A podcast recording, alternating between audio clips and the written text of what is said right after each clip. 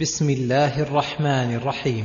هل أتاك حديث الغاشية؟ يذكر تعالى أحوال يوم القيامة وما فيها من الأهوال الطامة وأنها تغشى الخلائق بشدائدها فيجازون بأعمالهم ويتميزون إلى فريقين فريقا في الجنة وفريقا في السعير. فأخبر عن وصف كلا الفريقين فقال في وصف أهل النار وجوه يومئذ خاشعة. وجوه يومئذ خاشعة. أي يوم القيامة خاشعة من الذل والفضيحة والخزي. عاملة ناصبة. أي تعبة في العذاب تجر على وجوهها وتغشى وجوههم النار. ويحتمل أن المراد بقوله وجوه يومئذ خاشعة عاملة ناصبة في الدنيا لكونهم في الدنيا أهل عبادات وعمل ولكنه لما عدم شرطه وهو الإيمان صار يوم القيامة هباء منثورا. وهذا الاحتمال وإن كان صحيحا من حيث المعنى. فلا يدل عليه سياق الكلام بل الصواب المقطوع به هو الاحتمال الأول لأنه قيده بالظرف وهو يوم القيامة ولأن المقصود هنا بيان وصف أهل النار عموما وذلك الاحتمال جزء قليل من أهل النار بالنسبة إلى أهلها ولأن الكلام في بيان حال الناس عند غشيان الغاشية فليس فيه تعرض لأحوالهم في الدنيا.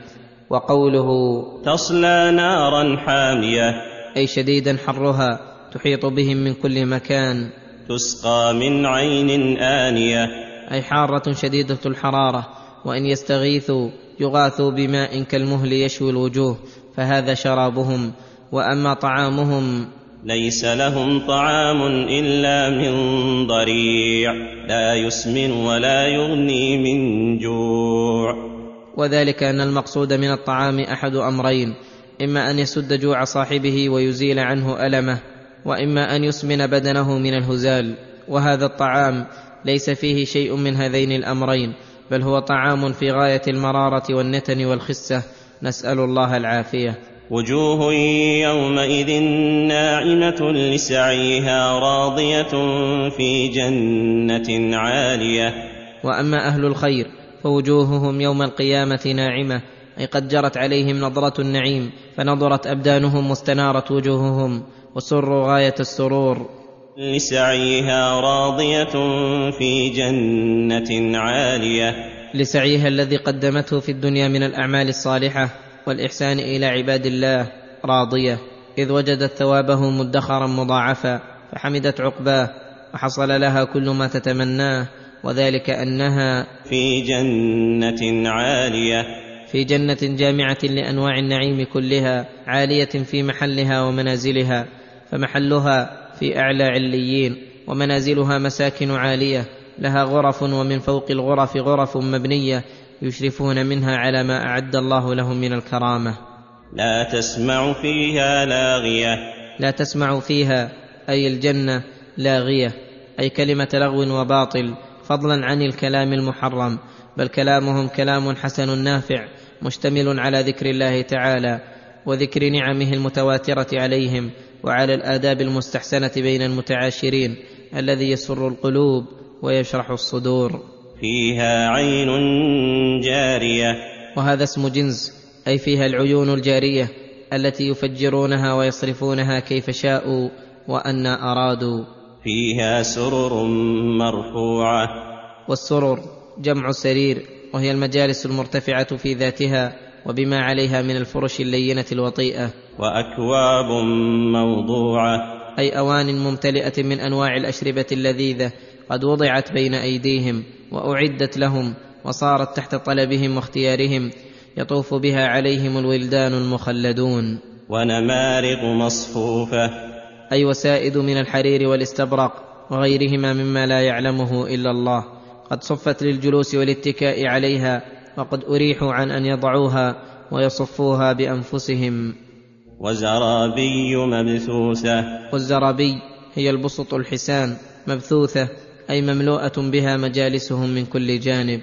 أفلا ينظرون إلى الإبل كيف خلقت؟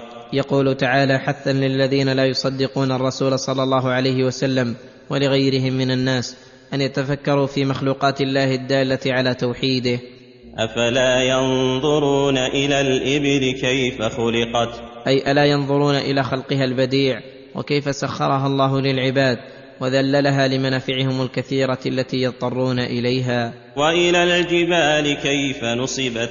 كيف نصبت بهيئة باهرة؟ حصل بها استقرار الأرض وثباتها عن الاضطراب وأودع الله فيها من المنافع الجليلة ما أودع. وإلى الأرض كيف سطحت. أي مدت مدا واسعا وسهلت غاية التسهيل ليستقر الخلائق على ظهرها ويتمكنوا من حرثها وغراسها والبنيان فيها وسلوك الطرق الموصلة إلى أنواع المقاصد فيها. واعلم أن تسطيحها لا ينافي أنها كرة مستديرة. قد أحاطت الأفلاك فيها من جميع جوانبها كما دل على ذلك العقل والنقل والحس والمشاهدة. كما هو مذكور معروف عند أكثر الناس خصوصا في هذه الأزمنة التي وقف الناس على أكثر أرجائها بما أعطاهم الله من الأسباب المقربة للبعيد. فإن التسطيح إنما ينافي كروية الجسم الصغير جدا الذي لو سطح لم يبق له استدارة تذكر.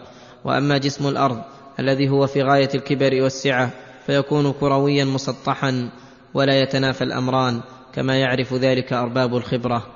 فذكر إنما أنت مذكر.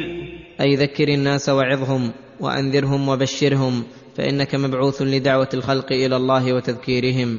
لست عليهم بمسيطر. ولم تبعث مسيطرا عليهم مسلطا موكلا بأعمالهم. فإذا قمت بما عليك فلا عليك بعد ذلك لوم كقوله تعالى وما أنت عليهم بجبار فذكر بالقرآن من يخاف وعيد. وقوله إلا من تولى وكفر. أي لكن من تولى عن الطاعة وكفر بالله. فيعذبه الله العذاب الأكبر. أي الشديد الدائم. إن إلينا إيابهم. أي رجوع الخليقة وجمعهم في يوم القيامة. ثم إن علينا حسابهم. فنحاسبهم على ما عملوا من خير وشر.